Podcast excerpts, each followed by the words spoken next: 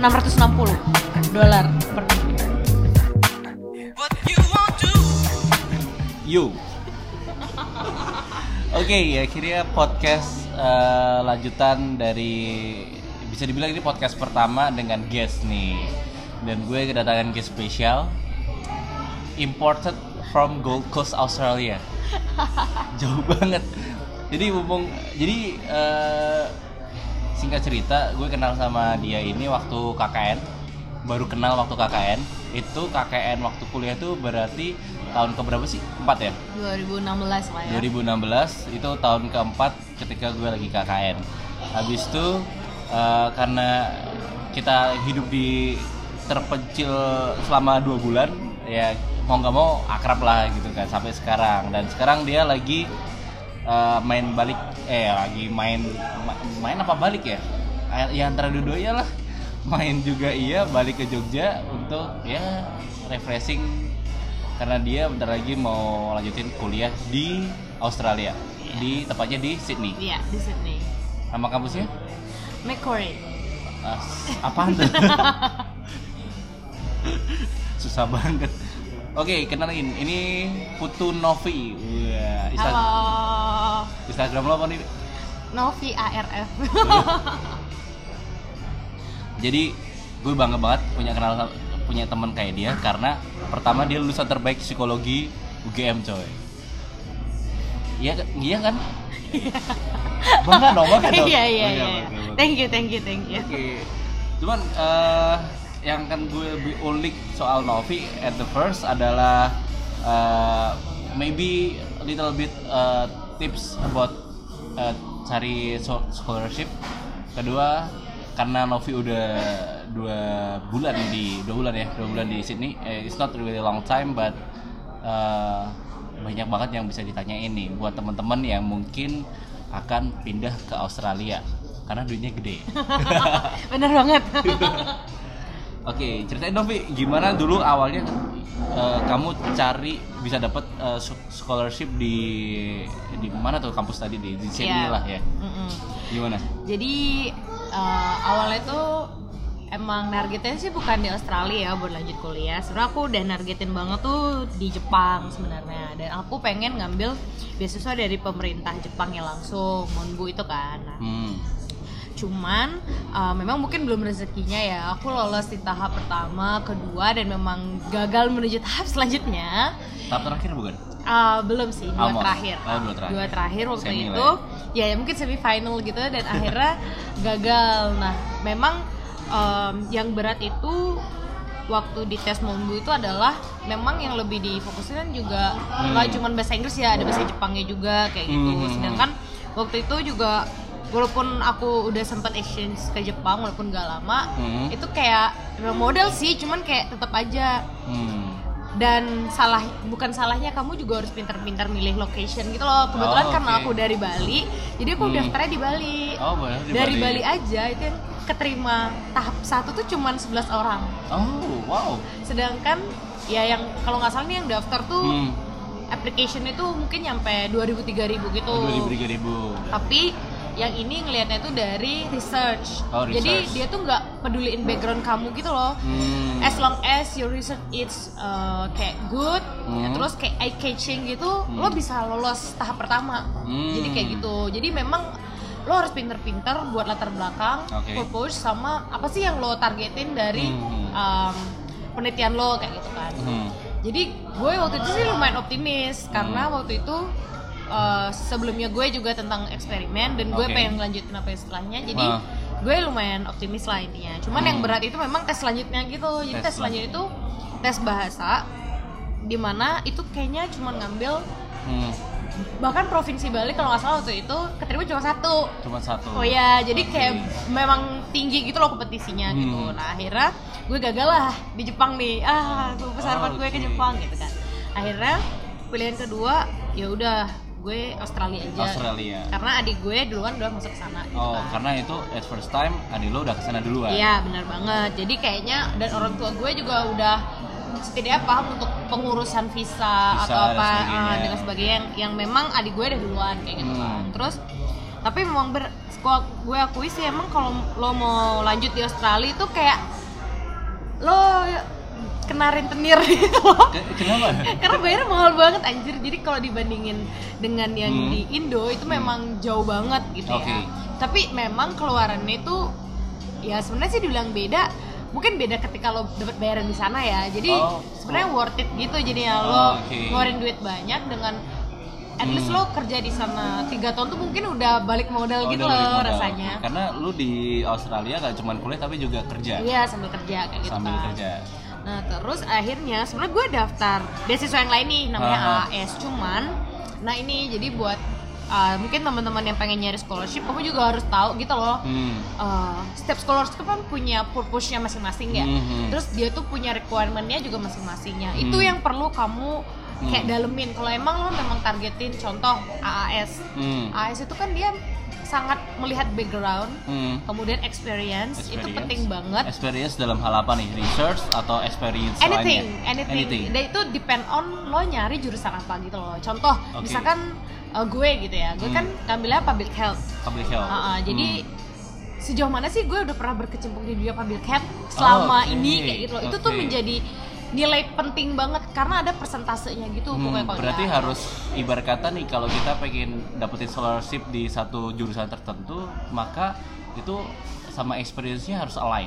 Iya, benar banget. At Hmm. least at least lo udah pernah nyicipin gitu loh gimana di bidang itu gitu karena Oke. dan itu pun gak main-main gitu loh minimal setahun dan Setahun? yang yang paling pas tuh dua tahun. Oh, oke. Jadi makanya kalau orang-orang fresh graduate Hmm.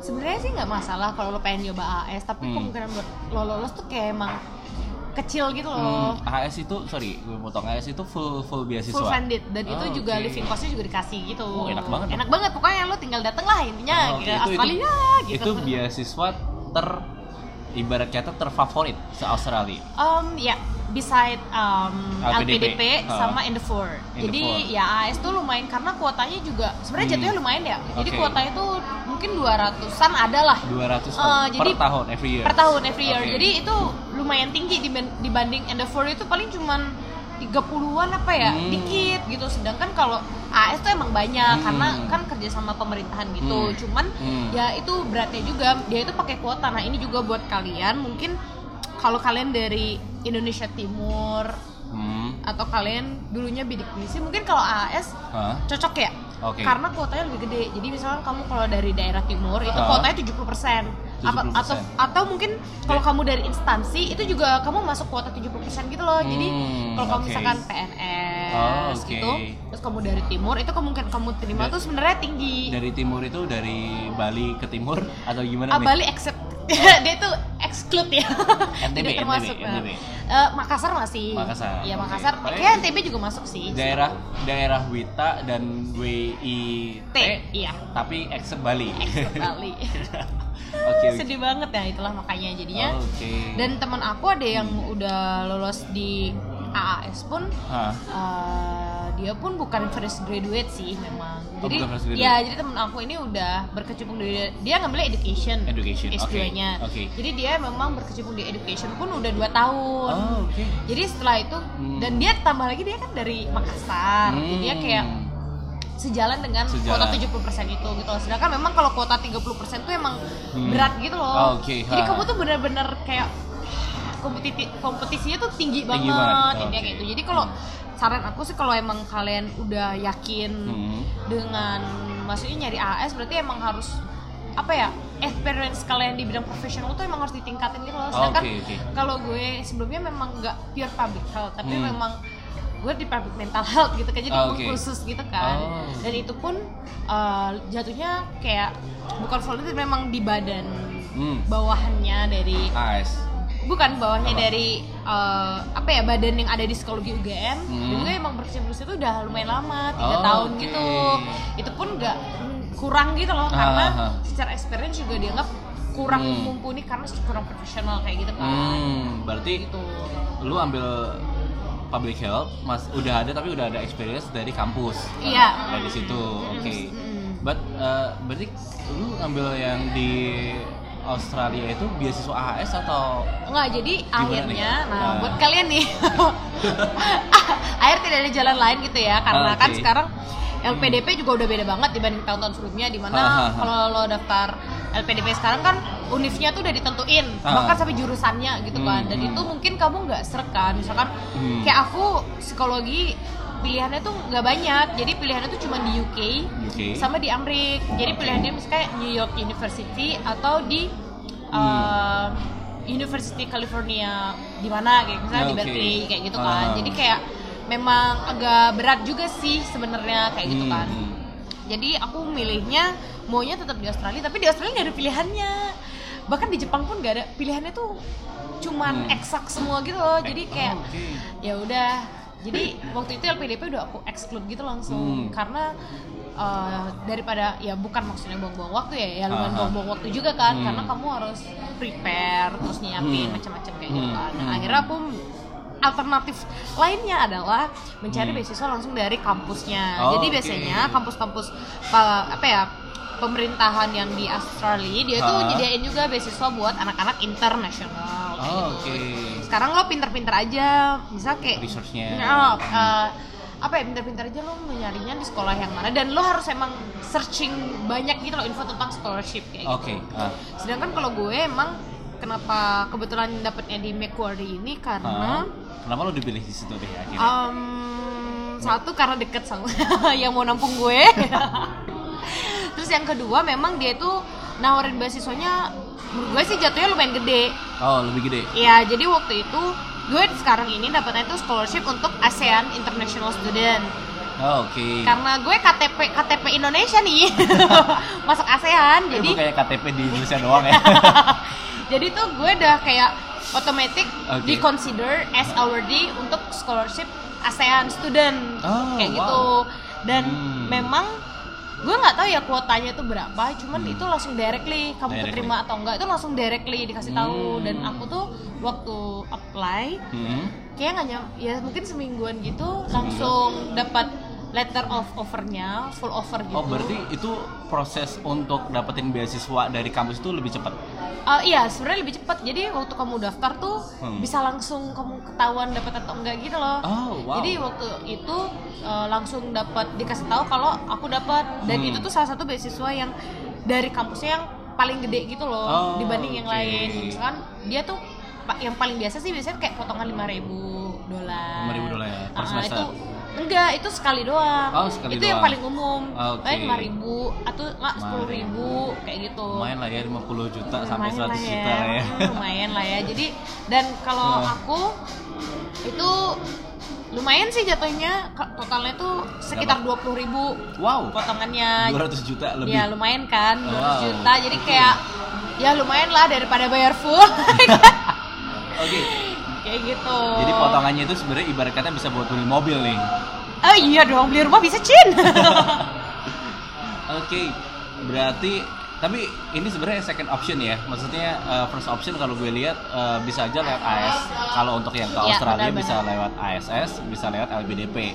Kalau untuk mau fully founded, cuman at the end ada jalan lain Hmm. Jalan lain lewat lah. beasiswa, Beasiswa kampusnya masing-masing langsung. kampung. Mm. Eh masing-masing kampung, masing-masing kampus untuk dapat beasiswa potongan tadi. Mm. Dan jumlahnya tergantung dari kampus masing-masing sama jurusan yang diambil. iya benar banget Oh. Ka- karena kebetulan gue ngambilnya nah juga nih jadi kamu tuh pintar-pintar juga contohnya karena gue ngambil health itu di Hmm. Macquarie tuh lumayan oke Oke. nah makanya ngasih beasiswanya eh, untuk health and science itu lumayan banyak Itu kampus nomor berapa? um, I don't know but ya maybe 10 top 10. 10 nya di sana kali ya Top 10. Oh, berarti kalau di sini kan di Indonesia kan top 3-nya ya UI, UGM, UGM, ITB lah ya. Jadi top 10 lah ya. Iya, Oh, soalnya kalau oke. top 3 ya tentu aja dong ada ANU kan, ada Australian National University, masih ada Uni Hmm. of Melbourne, terus masih Melbourne, ada Sydney, ada. um, Sydney maybe five tapi Hmm. uh, ya masih ada UNSW gitu kan jadi memang Hmm. tapi itu bayarnya uh satu miliar cin jadi Waduh. memang harus pintar-pintar misalkan kalau kamu Oke. memang basicmu kamu mau nyari ek- ekonomi gitu misalkan Ah, ya ah. biasanya tuh kalau nggak di Queensland kamu nyari di Melbourne, kayak Melbourne. gitu Hmm. jadi bahkan di Queensland tuh dia nyediain full scholarship langsung dari kampusnya Wow. jadi oke. memang kayak kalau tips dari aku sih memang kamu harus kenalin dulu kamu jurusan apa terus Hmm. setelah kamu tahu jurusan lo apa Hmm. uh, sekarang uh, lo ngira-ngira nih kira-kira di univ lo nyediain beasiswa Hmm. parsial nggak sih gitu Parsial. loh Mm, parsial tuh yang kayak aku kan Oh, jadi kayak cuma gitu. setengah atau separuh. intinya nggak full gitu Jadi ada Tapi yang kan- full, ada yang partial, ada Yap. yang separuh gitu. Mm, mm, ada yang kayak gitu jadi kayak Hmm. uh, kamu memang perlu di sana terus kalau memang kamu mau ngincer scholarship yang fully funded Hmm. itu kamu harus tahu juga ya itu seperti aku bilang kayak purpose dari scholarship itu apa Hmm, terus penilaiannya tuh requirementnya apa aja sih kayak gitu soalnya kalau yang scholarshipku jujur aja itu cuman Hmm. ngelihat hasil studiku sebelumnya Oh, oke. jadi based on IPK Iya, lu IPK-nya tinggi banget Nah, cuy. ngeliat dari IPK jadi ya ya udah lo keterima kayak Oh, gitu loh. Sedangkan kalau yang Hmm. yang lain mungkin dari pemerintah kan lebih kompleks ya ngeliatnya Hmm. nggak cuma dari IP dia melihat dari experience kayak misalkan kayak AAS dia tuh Hmm. melihat kayak in the future lo bakal balik ke Indonesia lo bakal buat apa sih Oh, oke. jadi dia itu Oh. memang udah untuk empowermentnya Hmm. Indonesia gitu loh jadi kayak kalau emang lo nah jadi kalau emang Hmm. kayak orang-orang yang sudah memang punya apa ya niat untuk membangun Indo dan bisa meyakini orang-orang waktu Hmm. seleksi itu kalau lo bakal bisa membangun Indo ya lo Oke. pasti keterima gitu Pasti loh keterima. Oke. tapi emang mungkin Tuhan berkata lain untuk saya ya karena mungkin karena dari awal pun Hmm. niatanku tuh untuk balik ke Indonesia tuh udah kecil gitu loh Hmm. memang niatanku untuk menetap so far gitu loh Hmm. pengen Permanent sejauhnya residence. sampai permanent residence gitu kan jadi kayak.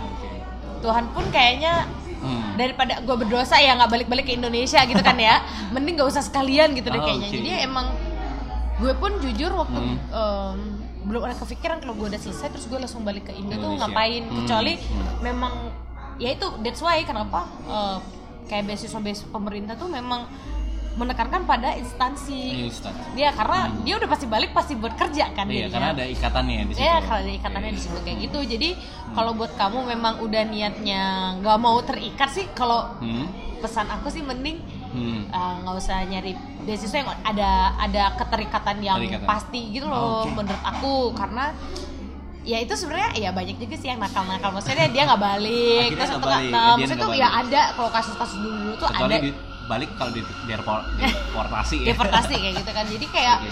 memang pilihan lo aja Hmm, karena gue oke. udah pilihannya mau mungkin untuk stay di sana. stay di sana Hmm. untuk memang mungkin enam tahun ke depan Oke. gitu jadinya kayak ya udah sih Hmm. memang lebih baik nyari beasiswa langsung di Oke. sana aja gitu Eh, gue inget sebelum lu dapetin ini, lu banyak banget yang lu harus siapin nih di waktu lu di Bali kan, dengan segala ceritanya. Nah, untuk dapetin beasiswa ini, sebenarnya short trip apa yang paling gampang nih, yang bisa kita siapin ketika kita lagi ada interval yang bisa dibilang slow-slow banget. Itu lu ngapain aja sih? Eh, gue sempat ngerti lu les beberapa bahasa dan maybe eh, doing anything else terus gimana sih cara riset riset buat dapetin uh, beasiswa gitu tuh? Hmm, emang sih eh, menurut gue kalau emang lo niat langsung lanjut ya maksudnya Ah. lo fresh graduate langsung lo lanjut oke. ya belajar dari kesalahan aku. Aku memberikan saran. Eh, mending kalian memang apa ya eh, persiapannya emang harus jauh-jauh hari gitu loh. Nah. kalau emang lo niat untuk lanjut S2 hmm. paling nggak tuh di tahun ketiga lo tuh udah punya bayangan. Berarti di semester 5 ya 5 6 itu kamu harus udah mulai start gitu loh. Untuk research. Start uh, kalau kamu emang niatnya untuk kan kalau contoh di Australia oke. Australia kan itu Hmm. uh, pilihannya dua Hmm. coursework atau research nah Hmm. coursework itu yang teori doang jadi kayak aku Hmm. duduk ke kampus Hmm. ngerjain selesai oke gitu kan Oke. nah kalau research tuh lain lagi kan nah jadi kalau emang lo mau ngambilnya research Hmm. ya lo pasti udah dari ya paling nggak tahun ketiga tuh kamu udah ada bayangan terus kayak udah mulai ngincer-ngincer profesor siapa yang bakal lo Hmm. cari gitu loh Hmm. sedangkan kalau kamu coursework mungkin bagusin IP sih mungkin bagusin IP kali ya jadi anak ambis kampus ya iya sedikit ambis lah ya paling nggak oke oke apa ya apa ya komlat itu memang tapi menurut aku anak lulusan dari Indonesia itu Hah? apalagi maksudnya dari UGM maksudnya dari Hmm. kampus-kampus ternama itu udah cukup dipandang gitu loh di sana karena kan Hmm, kita lulusnya oke. pakai skripsi sedangkan Hmm. mereka di sana kan belum tentu anak Oh. S1 itu Iya, iya, jadi istilahnya kita tuh kalau di sana kita tuh lulusnya Ada- honor gitu loh oke ada terpandang gitu loh terpandang. lulusnya gitu. Terhormat ya. terhormat gitu loh Sip. pokoknya Jadi itu kayak eh, kalau menurut aku Lu ngapain aja kemarin? jadinya tuh ya mungkin Ah. lat, apa ya persiapan IELTS atau TOEFL. IBT itu penting Lu banget. les di situ juga. Iya paling ya waktu itu aku Khusus. sih khusus waktu itu aku Hmm. sempat di Pare sebulan doang. Eh nggak nyampe dua, bu- dua minggu bahkan. Gue baru tahu. Bentar doang ya jadi cuma dua minggu terus habis itu aku ngambil jadi aku mempertajamnya di ILF. Iya. Jadi sebelumnya di Pare itu cuman kayak bener-bener pengenalan karena mereka banyak banget ngasih tips gitu loh. Hmm. Jadi gue itu ngebusnya malah waktu gue di Pare bukan di ILF.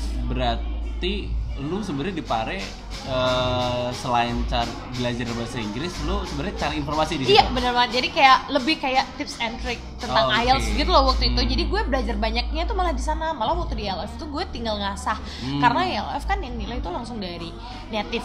Oh, oke. Jadi dia tuh udah tahu kayak kemampuan lo sejauh mana gitu loh. Hmm. Jadi Hmm. kalau bisa dibilang sebenarnya aku persiapan IELTS tuh cuma dua bulan jatuhnya. Hmm. Ya sebenarnya sih target gue kan emang minimal enam setengah. Hmm. Dan ya sampai sih gue Hmm. sekali ujian langsung enam setengah Hmm. cuman ada beberapa kayak individual band yang gue rasa kurang gitu loh Oh, oke. dan itu memang ya untungnya itu masih selamat untuk aku bisa tetap keterima S2 ternyata gitu kan jadi Oke, kayak oke. ya udah sih kayak gitu jadi kalau menurut aku sih kalian memang bahasa Inggris tuh ya kalau modal lah ya kalau keluar kalau nggak bahasa Inggris apa Iya. lagi kan Nggak bisa lulus ntar nah makanya jadi kalau menurutku sih selama kamu maksudnya nggak ada kegiatan lain ya Hmm. kamu selo ya menurut gue lo ngambil bahasa tuh penting banget gitu loh Hmm. karena sekarang tuh kamu cuma punya bahasa Inggris tuh ya Hmm. guna cuman kayak Hmm. akan lebih plus if you have Hmm. another language kayak gitu Oke loh oke ya. Oke, I get it. Um, jadi teman-teman kita bisa denger banget, eh denger dengerin tadi Novi ngomong apa terkait cari scholarship gimana tahapannya, ceritanya gimana, tipsnya apa aja. Nah, eh, cuman gue kelupaan satu hal eh, untuk kenalin kita lagi di mana nih sekarang. Kita sekarang lagi di Jogja, tepatnya di Ekologi Cafe. Ini one of my favor- favorite cafe sih karena ya suasananya enak banget, menunya juga enak dan ya we ya enak lah buat untuk chill ataupun mungkin ngerjain tugas.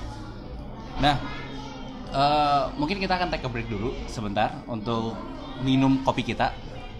Sebelum kita lanjutin lagi soal obrolan kita mengenai life at Australia. Wih, Novi punya banyak cerita nih gimana cara ngasilin duit banyak di Australia dalam waktu singkat dua bulan lamanya. Wah gila sih duitnya gede coy. Habis gue merasa miskin akhirnya. Gara-gara Novi cerita, lu pulang-pulang gue kerja di Australia gajinya segini loh. Wah gila, gue miskin banget ya. Oke, eh, we will back. Gue udah pesan americano, Novi udah pesan coklat coklat. Kenapa lu pesan coklat? karena nggak suka kopi Oh iya, gue baru sadar kalau lu gak pesan coklat. Oh iya. Oke kita nikmatin dulu, kita take a break dulu. Eh, Cafe Talking akan balik lagi dengan pembicara kita keren satu ini, Putu Novi. Tuh, ya. Siapa? Akhirnya siapa? Arvista Darmayadi Iya, gue lupa. Repot, Gue- Jin, Gue panjang. merasa berdosa lupa kapan. Oke, we will back. See you guys.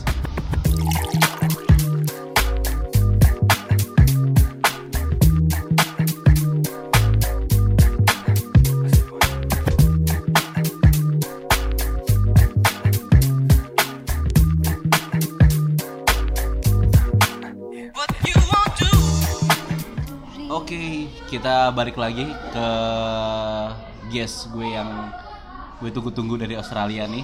Kita udah ngabisin, belum habis sih sebenarnya, tapi udah minum-minum untuk take a break. Eh, kita lanjutin soal ngomongin soal life at Australia. Lu udah hidup di Australia berapa lama?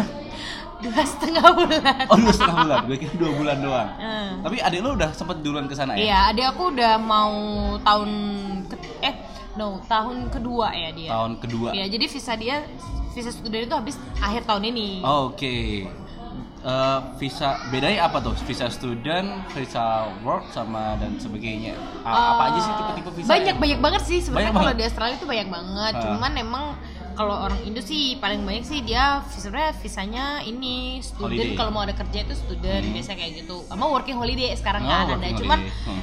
tapi ya sih kalau menurut aku buat kalian yang berusia 18 sampai 30 tahun ya. Ah, oke. Terus dan tapi biasanya setauku sih minimal tuh kamu udah pernah kuliah 2 tahun gitu Hmm. kamu boleh ngambil visa working holiday dan Hmm. menurutku tuh model banget sih buat kamu kalau pengen lanjut di luar dan misalkan self funded gitu ya Oke, misalkan oke. itu model banget karena Model banget.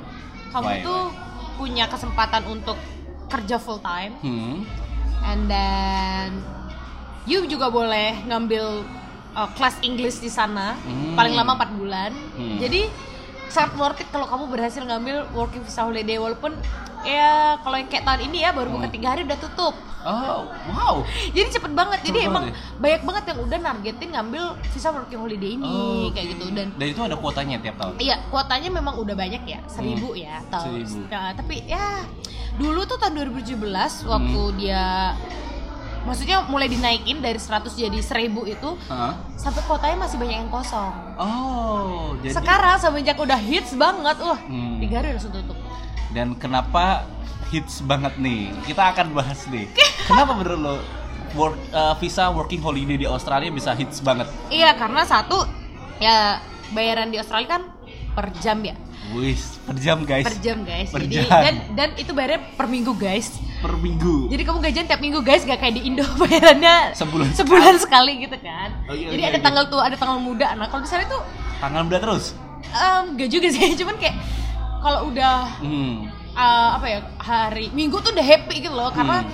biasanya gajian di sana tuh Senin atau Selasa gitu Oh, kan. Oke. Jadi kayak ya kalau udah nyicip di sana mungkin Lu bakal ketagihan. berasa Kayak ya, lu, kayak eh, kayak. berasa gitu kan jadinya kayak gitu. gue gue inget kalau kemarin lu bilang ke gue bahwa lu work part time ya as a Hmm. part timer di uh, lu benar uh, sebelum jauh mengenai work lu lu stay di Di Gold Coast sih. Gold Coast Gold Coast tuh sebelah mana nih Jadi Gold Coast itu dia di bawahnya Brisbane. Jadi dia Oke. tuh di atasnya Sydney, Uh, berarti di sebelah timur paling timur. Tenggara Yap. Tenggara daerah Ya, Tenggara mungkin paling ya. Lebih dekat ke Selandia Baru No, no, dia tuh di Tenggara. Tenggara agak utara. Iya, di utara dia. timur lah ya berarti di Iya. sisi timur lah ya Di timur banget dan kayak Gold. Coast ini uh, one of the holiday city maybe Yap, bener banget. Jadi Kayak- ini kayak daerah turis ya, kayak Turis. Kute lah. Kalau di Bali tuh kayak Kute. berarti Balinya Australia Ya, persis banget lah. Berarti orang Australia itu kalau nggak liburan ke Bali ya ke Gold Coast. Ya, bener banget. Itu Oh, bener oke. banget. Jadi eh, aku tinggal di sana sama adikku sementara sih dan Hmm, oke. itu pun akhirnya aku dapet part time Nah, part time kecilan. Anjir kecil-kecilan. Oke, kita anggap ini part time kecil-kecilan, tapi emang kelasnya kecil-kecilan. eh sih, Iya, kecil. Untuk ukuran Australia is ah enggak juga sih. small or enggak, enggak middle? juga. Ya, Middle oh ya middle lah, middle. Middle-middle low ya. middle-middle ya. Oke. eh, lu kerja di di mana? Di tempat sushi, tapi kayak dia bukan restoran juga sih. Bukan. Dia kayak stall kecil gitu. Jadi yang lebih lebih kayak take away. Oh, oke, tolong Jadi di pesan Hmm. langsung makan. Nah, Oh, kayak gitu. oke. Ini ya fast food. Fast food but for sushi.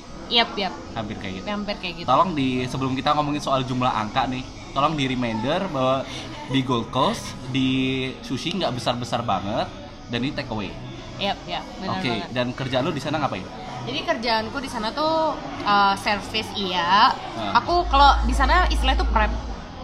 Prep itu preparation. Jadi kayak Hmm. kamu sebelum buka toko Hmm. itu ya buat sushinya dulu, masak nasinya dulu, kayak gitu. Jadi tetap Hmm. tetap kerjaan dapur lah intinya kayak gitu. Oh, Oke. Terus sama ya sama service sama ngelayanin yang mau beli, mau beli kayak Hmm. gitu sih. So Tapi- far kayak gitu sih. Tapi lu kan part time nih, berarti eh, sehari berapa jam? Jadi sebenarnya tahu aku sih kalau part time itu kayak minimal 3 apa 4 jam gitu jadi Hmm, kalau kerja. oke.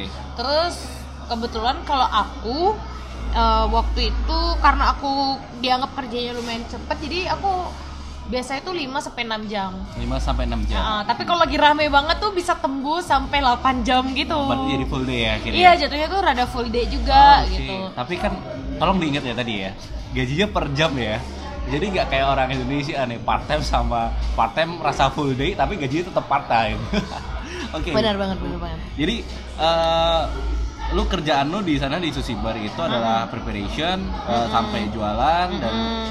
sampai eh, kalau lagi eh, high season lu juga sampai maybe full time, Yep. full time ya. Nah, Uh-uh. oke. Ngomong-ngomong soal salary nih. Lu dapat berapa per jam di sana?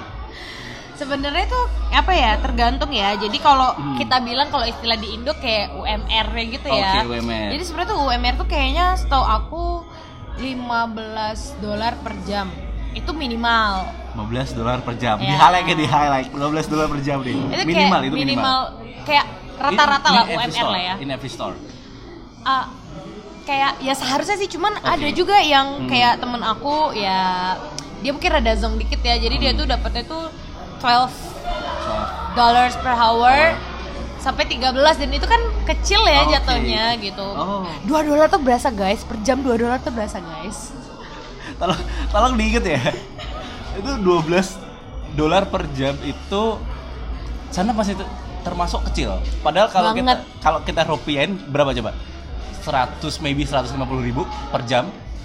Lu bayangin 150 ribu per jam itu kalau kita kaliin 30 aja in in Rupiah. in rupiah lah ya kali 30 itu sekitar 6 juta 5 juta dan itu eh itu udah gede gitu ya di Indonesia gitu lah ya. Iya. nah dan Novi kerja di sana lu tadi bilangnya 15 dolar Ah, dengan rata-rata kerja let's say kita ambil 6 jam lah iya. 16 kali 6 ya kata watt lah ya sekitar 89 Ya, 88 dolar maybe per per uh, Per hari, per jadi. hari ya 88 dolar guys jadi it's about 1 million in a day Iya, 1 million rupiah in a jadi day lah, gitu Nah, jadi. gede banget itu Jadi emang kayak apa ya memang kalau di Australia itu orang Asia itu memang dipandang hard Hmm. worker banget ya. Oh, Jadi oke. mereka tuh seneng banget kalau biasanya ngerjain eh ngerjain memperkerjakan kan, orang- orang-orang Asia biasanya. oh padahal kita gue gue pribadi menilai orang Asia itu paling males sebenarnya Cuman karena di Australia kan demi menyambung hidup.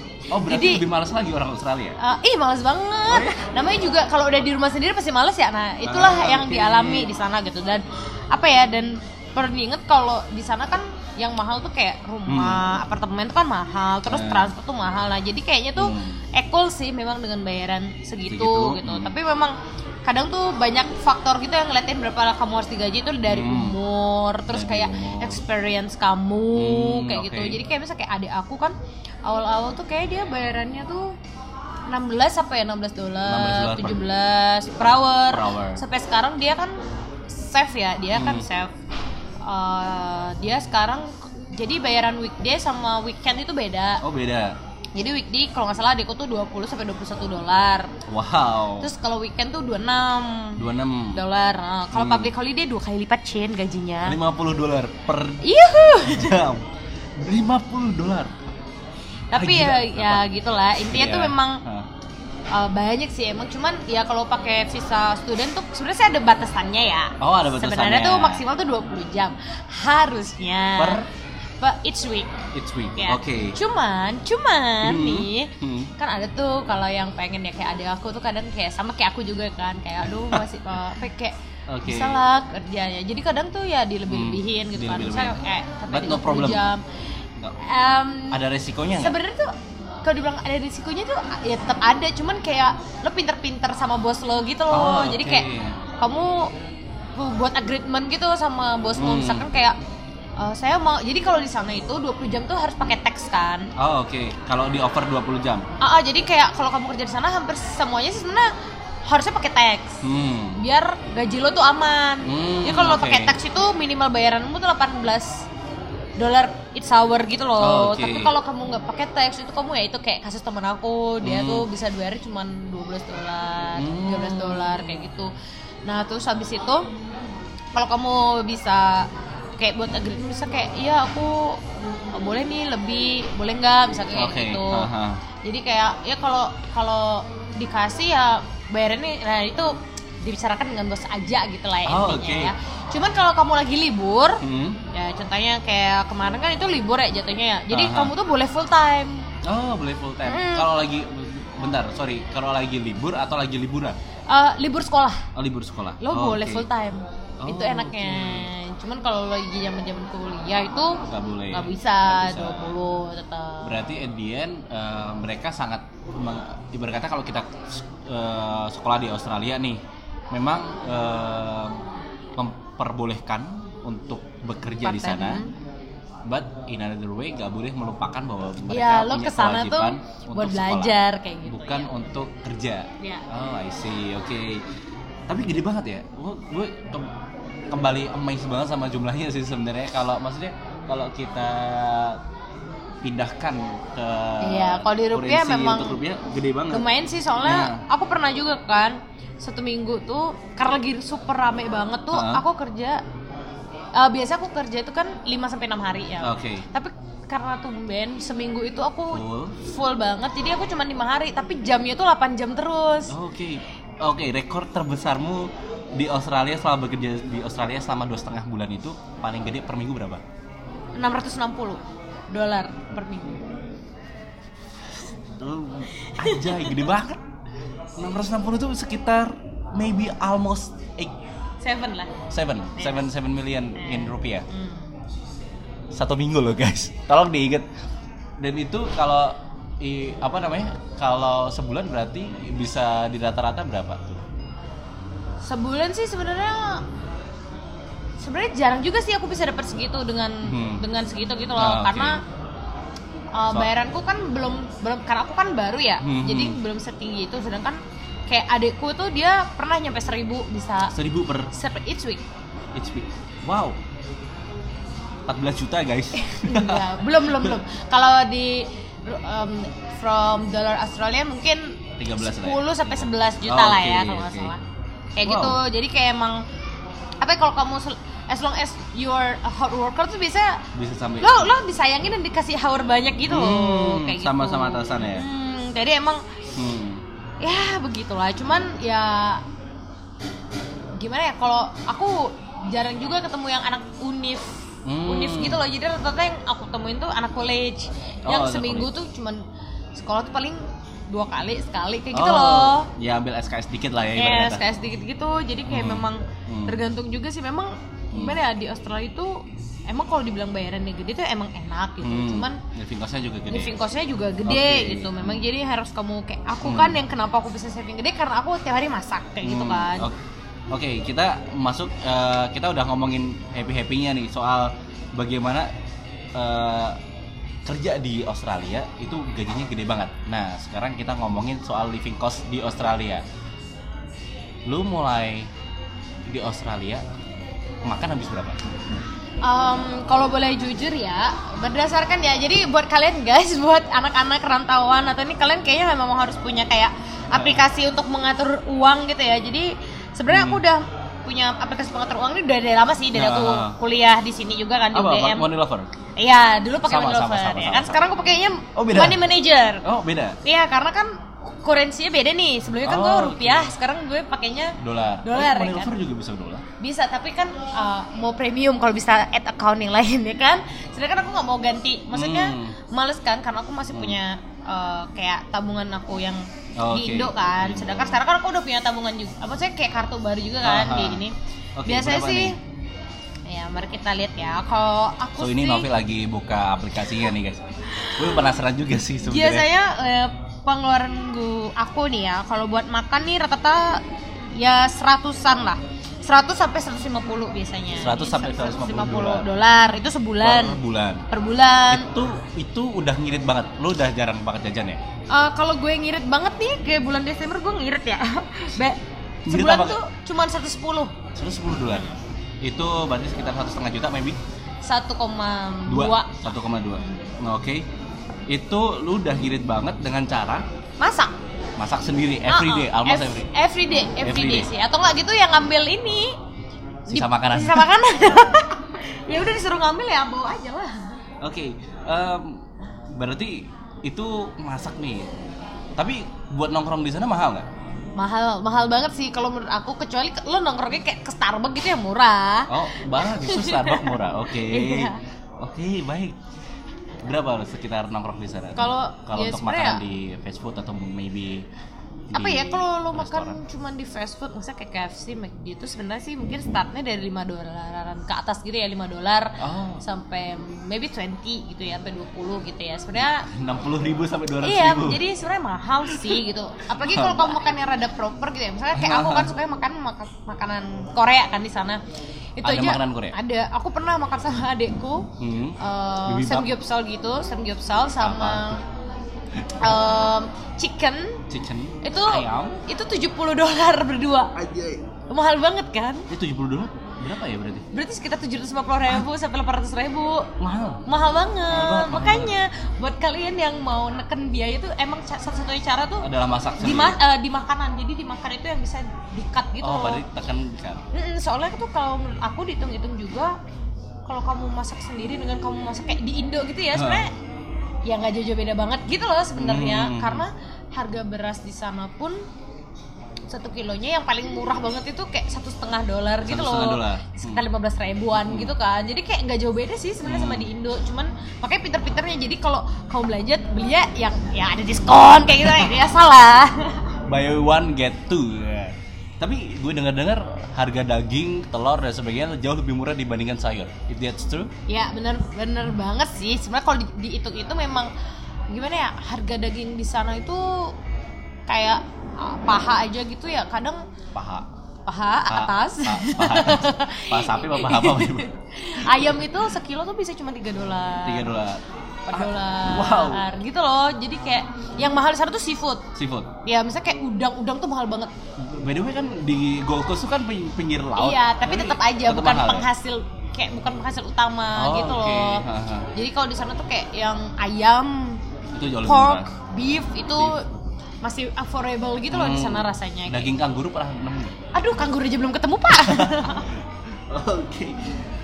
Oke, itu itu soal eh, food ya untuk makan di Australia memang sebenarnya eh, paling gampang untuk makan itu adalah masak setiap hari. Betul, betul. Karena harga bahan makanan murah gitu kan. iya jatuhnya sih da- daripada kamu beli gitu kayak Dari ya itu. sangat lebih worth it lah kalau Hmm, kamu masak untuk- sendiri. untuk masak sendiri, Memang nah. ya itu kamu harus ngorbanin waktu. Terus Oh. nah nah lapar dulu masih masak gitu kan. Oh iya. Oke, eh, kita eh, setelah makanan kita ngomongin ini deh eh, soal transportasi. Lu di sana transportasi pakai apa? Eh, selama aku kalau di Gold Coast sih aku pakainya tram sama bus. Bus berapa itu? Kalau jadi gimana ya? Jadi setiap prefecture eh, bukan prefecture ya. Jadi kalau eh, Gold Coast kan masih Queensland. Oh, Oke. Nah, yang ngurus itu pemerintahan di Queensland. Nah, Hmm. Sydney itu kan punyanya eh, New South Wales. Ah, ah, ah. Itu beda lagi kayak Oh, gitu oh, loh. beda, jadi beda. setiap Beda ini. Ah, ah, jadi setiap ini tuh beda-beda. Tergantung kamu di distrik mana gitu loh. Nah, kalau yang di Gold Coast itu kamu sekali naik itu tahun ini naik. Jadi itu jadi 3 dolar. Kalau lo pakai tap jadi punya kartunya Amla lah kalau di sini kayak kamu punya kartu Transjakarta misalnya kayak gitu kali. Ada nggak sih? ada ada ada ada ada oh kayak kayak flash flash BCA Iya ya flash BC anggapnya kayak gitu. Ya jadi ya jadi tuh kayak dapat potongan gitu kan. Hmm. Jadi tuh sekitar 3 dolar 31 sen satu kali sekali naik. naik. Dan kalau kamu misalkan transfer connecting misal kamu habis dari naik tram kamu naik bus gitu Hmm. misalkan.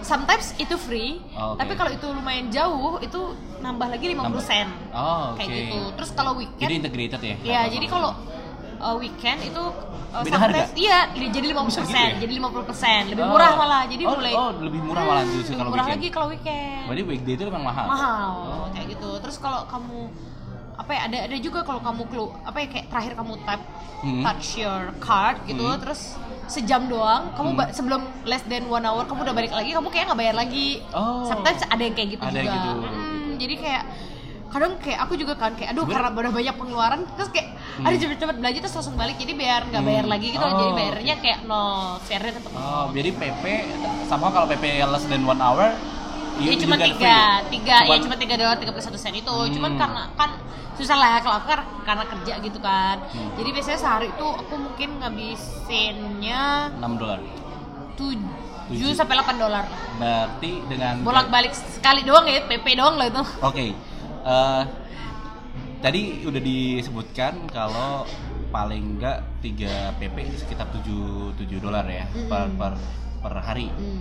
Terus berarti in a month lu keluar berapa buat itu? Jadi kalau waktu gue kerja, maksudnya kerja gue rajin ya, maksudnya Hmm.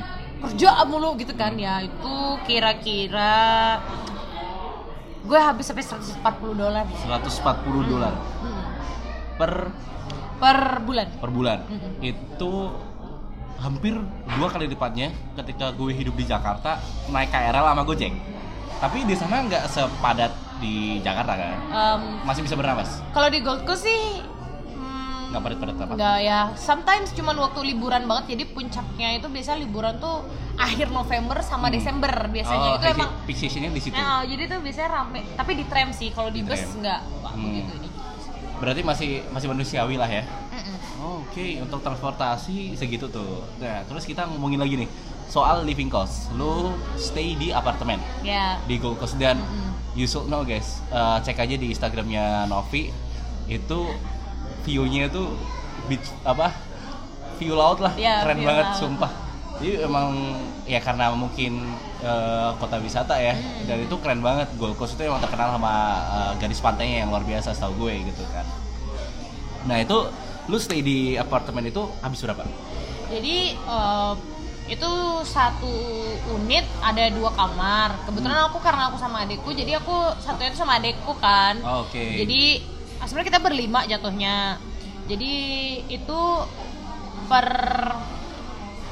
per dua minggu Hmm, per dua minggu ya ya per dua minggu tuh harganya 490 dolar 490 dolar. Berarti ya berarti sebulan itu sekitar 920 se- 10 juta lah ya per bulan. oh no no no salah salah per minggu itu yang 490 Wah. lupa aku jadi ya per dua minggu tuh 920 jadi Berarti emang dibandingkan kalau gue ngelihat daripada food sama transportationnya emang paling tinggi living costnya ya di iya sana. benar banget Lu habis sekitar katakanlah let's say kita genepin aja di 500 dolar per minggu.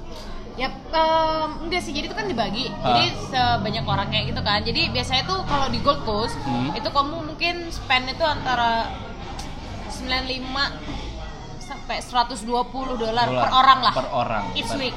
Each week. Mm-mm. Berarti month lu habis sekitar mungkin maybe Ya, 400, 500 juga sih. 500 ya. Sekitar segitu tuh. Itu untuk hidup di Gold Coast untuk di apartemen. Nah, eh, oke, summary-nya.